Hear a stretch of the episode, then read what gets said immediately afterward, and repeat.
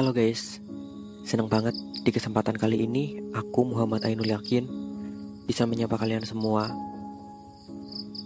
Dan di kesempatan kali ini aku pengen berbagi kisah sama kalian yang ini merupakan kisah nyata dan kebetulan aku sendiri yang mengalami.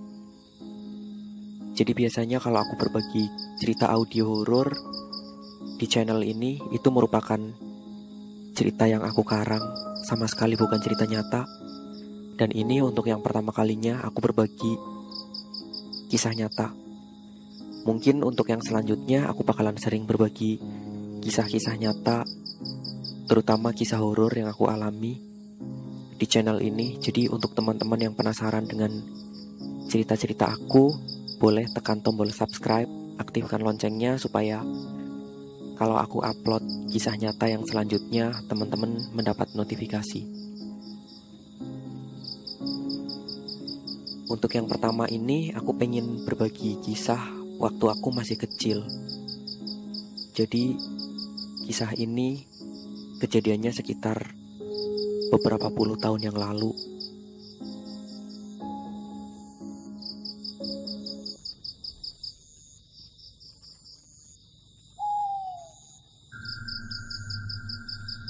Jadi waktu itu aku sama ibu aku kemudian almarhumah adik aku masih tinggal di rumah kakek nenek.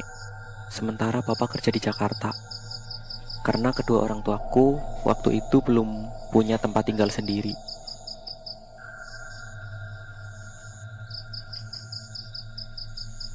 Rumah kakek nenek merupakan bangunan zaman dulu yang bangunan itu cukup besar dan memiliki halaman yang luas juga. Kemudian di belakang rumah ada pekarangan yang cukup luas yang ditanami kebun kelapa dan di sana juga ada sumur.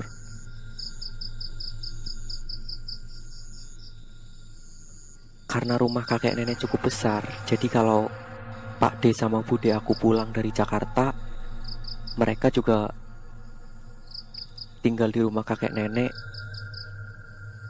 karena Pak Ade sama Bude juga waktu itu belum mempunyai rumah di kampung halaman.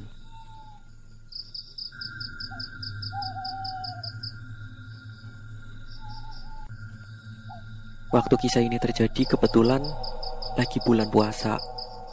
Dan saat itu Bude aku lagi ada di kampung halaman, lagi ada di rumah dan Pak D kembali berangkat ke Jakarta Pak D rencananya akan pulang saat lebaran nanti.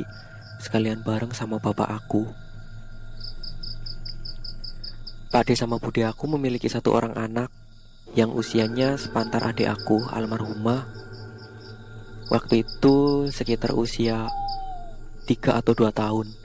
Sementara usiaku 8 tahun. Malam itu aku sama almarhum adik aku Terus ibu aku dan nenek aku semuanya berangkat ke musola untuk sholat tarawih. Sementara Bude nggak bisa ikut sholat tarawih karena waktu itu anaknya lagi demam tinggi. Dan anaknya Bude itu terus mengigau jadi nggak bisa ditinggal atau nggak bisa diajak sholat tarawih. Dan Bude berada di rumah cuma sama anaknya. Waktu itu di musola telah melaksanakan sholat isya, sholat tarawih dan sholat witir dan tinggal acara kultum dari ustadz. Tapi berhubung adik aku udah ngantuk, akhirnya aku sama ibu sama almarhumah adik aku pulang tanpa mengikuti acara kultum tersebut. Sesampainya di rumah, ternyata pintu rumah udah dikunci tapi kuncinya lewat uh, gagang pintunya itu. Jadi bisa dibuka dari dalam dan bisa dibuka dari luar kalau emang bawa kunci duplikatnya. Saat itu yang ada di pikiran ibu aku mungkin Bude ada di kamar dan takut ada orang masuk nggak tahu. Jadi pintunya dikunci dari dalam. Dan kebetulan waktu itu Ibu bawa kunci serepnya dan nenek juga bawa kunci serepnya jadi kami bisa membuka dari luar.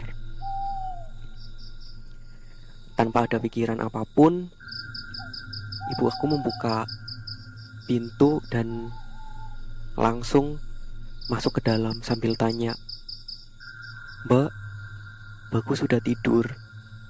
Bagus itu nama anaknya bude aku yang lagi sakit. Terus terdengar jawaban dari kamar. Belum.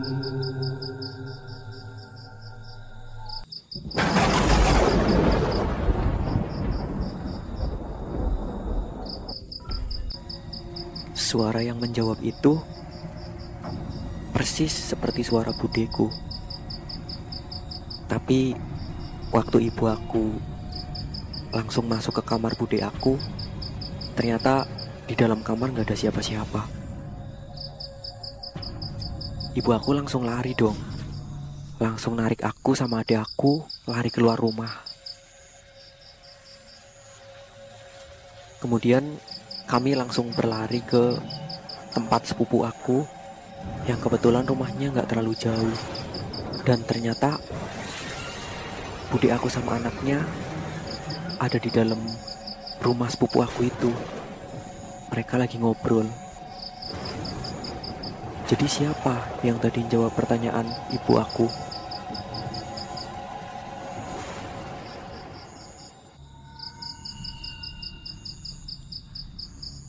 terlepas dari cerita yang ada di dalam rumah kakek nenek aku.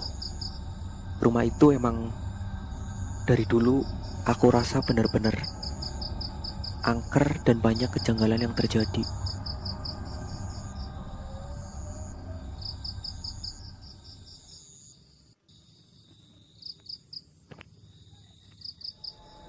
Dari kecil, aku selalu mengalami kejadian yang menurut aku horor di rumah kakek nenek aku itu. Mulai dari kalau aku bermain sesuatu yang menghasilkan bunyi di siang hari. Malam harinya seolah-olah kayak ada rekamannya. Jadi ada suara kayak benda yang menghasilkan bunyi itu yang aku main-mainkan. Suaranya persis kayak aku bermain waktu siang hari. Sampai waktu aku masih sangat kecil, mungkin masih di bawah lima tahun. Aku masih ingat banget setiap aku memejamkan mata, pasti aku kayak ngeliat sosok cewek yang bermuka putih pucat dan berambut panjang banget. Dia nyengir di depan matanya aku pas menunjukkan gigi-giginya yang besar. Aku seorang tunanetra atau yang bisa juga disebut orang yang mempunyai gangguan penglihatan. Dan kalau dikonsultasikan sama paranormal, katanya ada yang salah dengan rumah kakek nenek aku yang waktu aku kecil aku tempati. Tapi kalau dikonsultasikan dengan dokter, aku kena glukoma. Tentunya masih banyak lagi cerita mistis di rumah kakek nenek aku. Tapi akan aku ceritakan di lain waktu. Silahkan teman-teman subscribe channel ini kalau masih penasaran dengan cerita-cerita aku.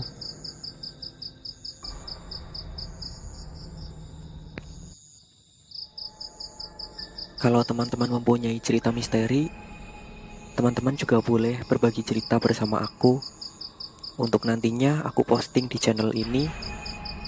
Caranya udah aku sertakan di kotak deskripsi. Mungkin cuma segini dulu dari aku. Sampai jumpa di cerita yang selanjutnya.